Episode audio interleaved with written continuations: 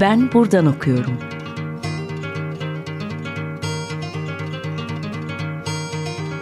Edebiyat ve başka şeyler.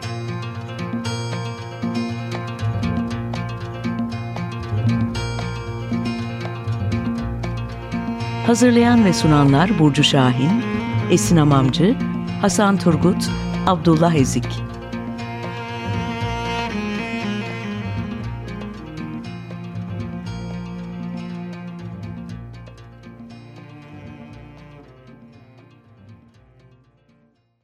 Herkese merhaba. 95.0 Açık Radyo'da Ben Buradan Okuyorum programındasınız. Ben Esin Hamamcı. Bugün konuğum Üsküdar Üniversitesi araştırma görevlisi Cansu Civan. Kendisiyle yüksek lisans tezi Amerikan ve İngiliz kurgu eserlerinde kadın sanatçı akıl hastalıkları adlı tezi üzerine konuşacağız, çalışmasını konuşacağız. Hoş geldiniz. Merhabalar, hoş buldum. Bugün biraz, eee, delilik, eee, Victoria döneminden başlayıp günümüze doğru, eee, kadınların, eee, hikâyesine odaklanacağız diyebilirim. Buraya biraz daha ayrıntılı bakalım. İlk sorumla başlayayım isterseniz. Hı hı. Buyurun. Eee, araştırmanız Victoria döneminden başlayarak modern çağdan geçiyor. Buradan postmodern, eee, döneme ulaşıyor ve sanatçı bir hikâye anlatıcısı, bir ressam, bir müzisyen, bir anne ve potansiyel bir yazar olarak analiz eden tarihsel ve eleştirel bir planla kaleme alınıyor. Buradaki eleştirel yaklaşımınız hangi kavramlar üzerine korulu kurulu? Biraz kavramları, eee, konuşup giriş yapalım isterseniz. Sanırım burada biraz da sanatsal yaratım kavramı ve, eee, Julia Kristeva'nın gösterge bilim teorisinden bahsedeceğiz. Bunlar nasıl etki ediyor diye sorayım. Evet, merhaba. İlk başlangıçta uzun bir soru oldu. Öncelikle evet, eee, bu çalışmanın, eee, sosyokültürel arka planı bir de, eee, elbette onun paralelinde bir de teorik arka planı olduğunu söyleyebiliriz. Eee, teorik arka planında Julia Kristeva ve onun sembolik dile yani toplumun kullandığı babadan gelen dile alternatif olarak sunduğu semiotik dil var. Kristeva'nın analizi erkek bedeninden ziyade, kadın bedeni üzerinedir ve dili bir işaret sistemi olarak görmekten ziyade bir anlamlandırma süreci olarak görür.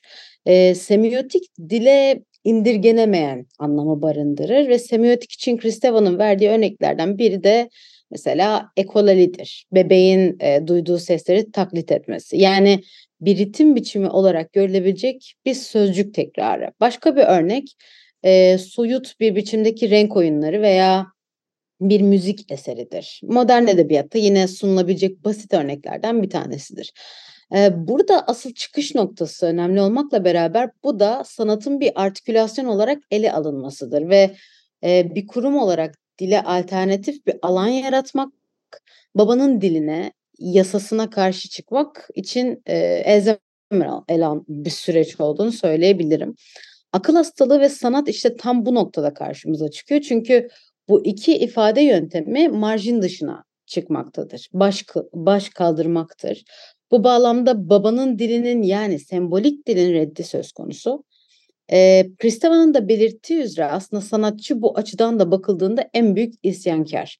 Burada da gerek tarihsel detayların özellikle akıl hastaneleri de dâhil olmakla beraber tıbbın bir kurum olarak incelenmesi gereken bir tartışma konusu ortaya çıkıyor. Deli kadın toplumun ihtiyaçları doğrultusunda sürekli kendini yenileyerek yüzyıllarca devam eden kurumsal bir yapı mı? Yoksa aslında kadınların oluşturduğu bir figür mü? Eğer kadın deliliği benimsiyorsa bunu ne şekilde yaptığı da incelenmeli ve, eee, bu çalışma aslında teknik olarak bunun üzerine kurulu. Peki, çalışma kapsamında hangi eserler yer alıyor? Biraz bundan bahsedelim mi? Eee, tabii. Bu çalışma kapsamında birincil kaynaklar olarak incelenen edebi eserler, eee, öncelikle Charlotte Perkins Gilman'ın Türkçeye Sarı Duvar Kağıdı olarak çevrilen The Yellow Wallpaper adlı kısa öyküsü. Eee, Sylvia Plath tarafından yazılan ve Sırça Fanus olarak çevrilen The eee, Virginia Woolf'un, eee, Deniz Feneri olarak çevrilen To the Lighthouse adlı romanı, eee, Amy Bloom'un henüz Türkçeye çevrildiğine şahit olmadığım The Silver Water adlı kısa öyküsü ve son olarak, eee, Joy McCallan'ın, Blood, Water and Paint adlı romanı. Bu da yakın zamanlarda yine Türkçeleştirilmiş olan bir eser. Bu eserlerdeki ortak özellik öncelikle bu yazarların neredeyse hepsinin kendi hayatlarında da mental sorunlarla mücadele etmiş olmaları. Ee, Amy Bloom bunlardan farklı olarak yazar olmasının dışında aslında canlı bir tanık olduğundan yani bir psikoterapist olduğu için seçildi. Joy McKellar ise marjin dışı bir anlatı ve yeterince ses verilmemiş, çoğu zaman Caravaggio'nun gölgesi altında kalmış olan ve bana göre tarihin en önemli ressamlarından biri olan e, Artemisa Gentileschi'nin tekrar ete kemiğe büründürdüğü için seçildi. Bu kadınların yarattığı ve veya ses verdikleri sanatçıların da ifade yöntemi olarak babanın yasası altındaki dili reddederek sanatı bir artikülasyon kapısı olarak kullanmaları ve bunu aslında prelinguistik yani dil öncesi anne bedenine ait olan dili seçmeleri. Yani kısaca sanatçı olmaları. Edebi eserlerin e, incelenmesinde özellikle sosyokültürel e, çerçevede e, Ellen Shewalta'nın e, Female Melody, Woman, Madness and English Culture önemli bir rehber oldu. Ve bu bağlamda bir çalışma için aslında ansiklopedi niteliğinde sayılabilecek olan e, Sandra Gilbert and Susan Goober'ın The Mad Woman in the Attic adlı çalışması yine önemli bir kaynak sayılabilir. Bu da e, çatıdaki deli kadın diye e, çevrildi Türkçe'ye yıllar önce diye biliyorum. Peki ikinci bölümümüzde daha doğrusu biraz kadın e, karakterler üzerinde konuşacağız. Romanları daha da açacağız. Dilerseniz burada bir ara verelim. Hangi şarkıyı çalalım? Şarkımız sürpriz olsun. Peki, tamamdır. Dinleyelim. Herkese merhaba. 95.0 Açık Radyo'da Ben Buradan Okuyorum programındasınız. Ben Esin Hamamcı. Bugün Üsküdar Üniversitesi araştırma görevlisi Cansu Civan'la Amerikan ve İngiliz kurgu eserlerinde kadın sanatçı ve akıl hastalıkları üzerine konuşmaya devam ediyoruz.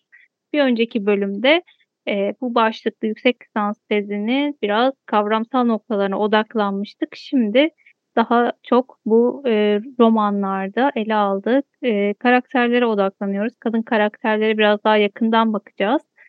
E, ve yine e, e, gerçek ve metafor anlamda akıl hastalığı kavramına değinerek farklı yazarların farklı türlerdeki edebi metinleri e, kronolojik bir sırayla inceleniyor burada.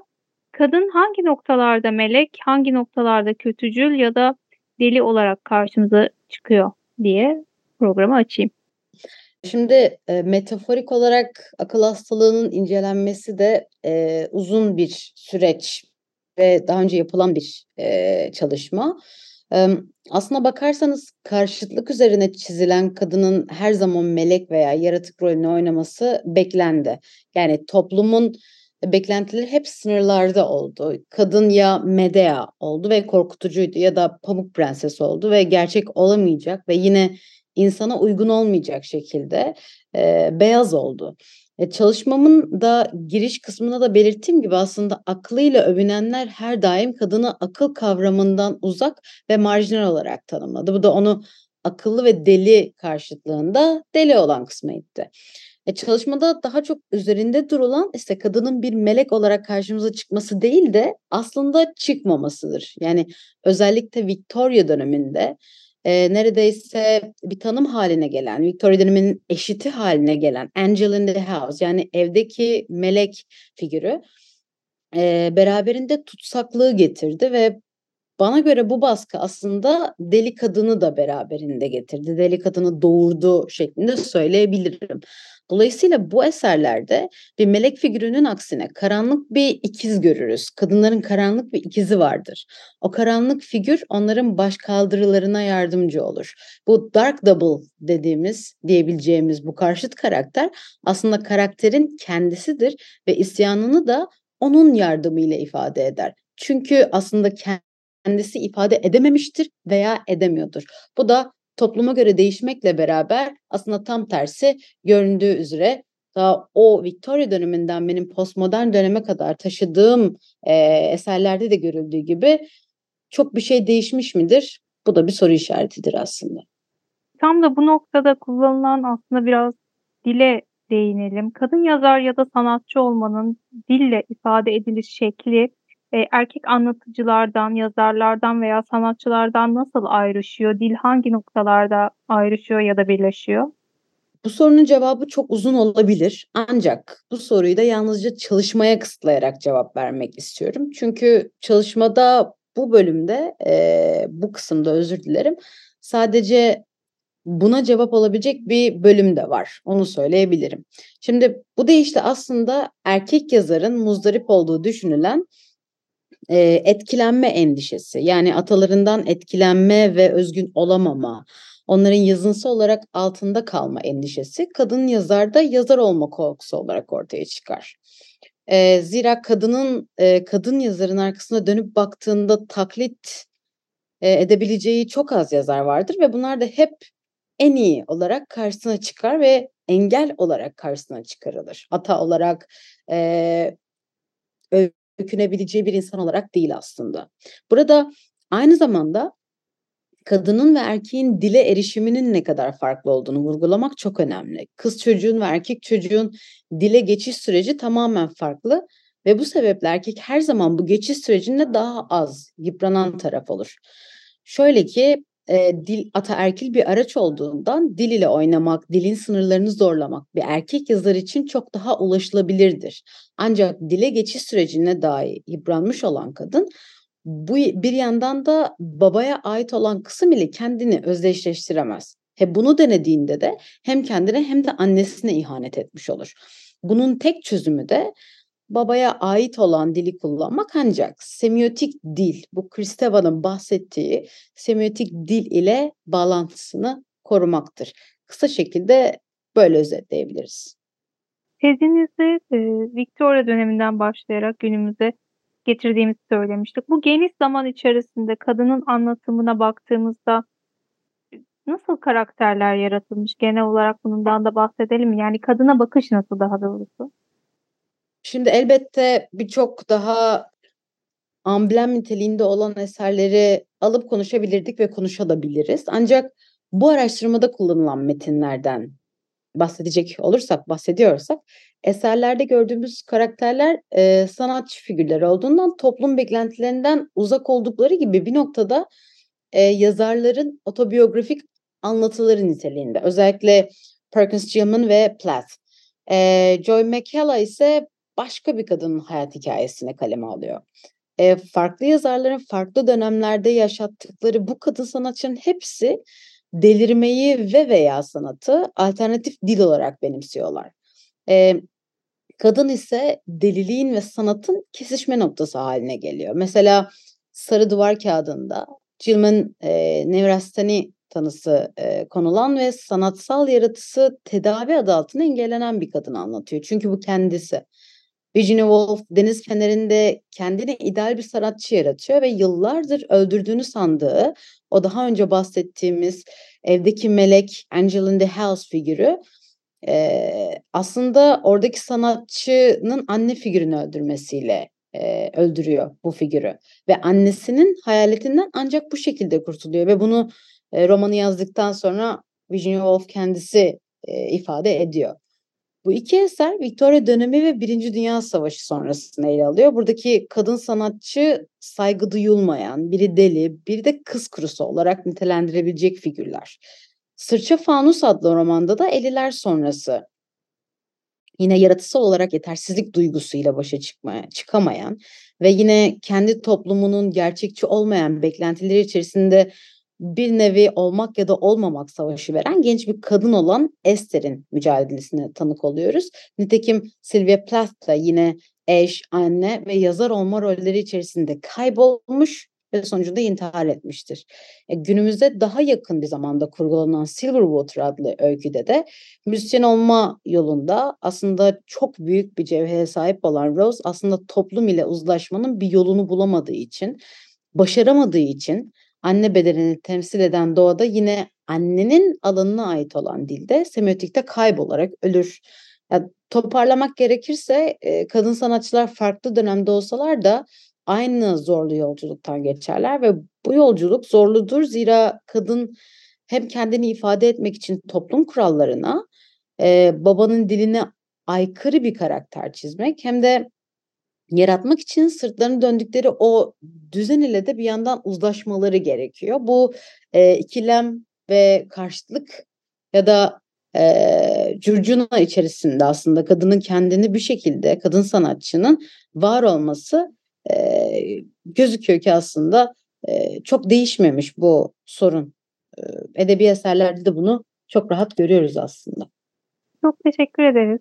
Geniş bir çerçevede değerlendirmiş olduk vaktimiz kısıtlı olsa da çalışmanın için bize vakit ayırdığın için. Teşekkür ederim. Ben teşekkür ederim beni ağırladığınız için. Bugün Üsküdar Üniversitesi araştırma görevlisi Cansu Civan'la birlikteydik. Ee, kendisinin yüksek lisans tezini konuştuk. Ee, Amerikan ve İngiliz kurgu eserlerinde kadın sanatçı ve akıl hastalıkları tezinin başlığı. Çok teşekkürler. Sonraki bölümlerde görüşmek üzere. Hoşçakalın.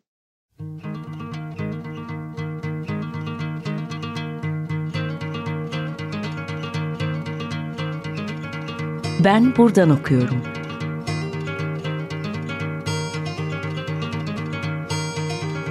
Edebiyat ve başka şeyler.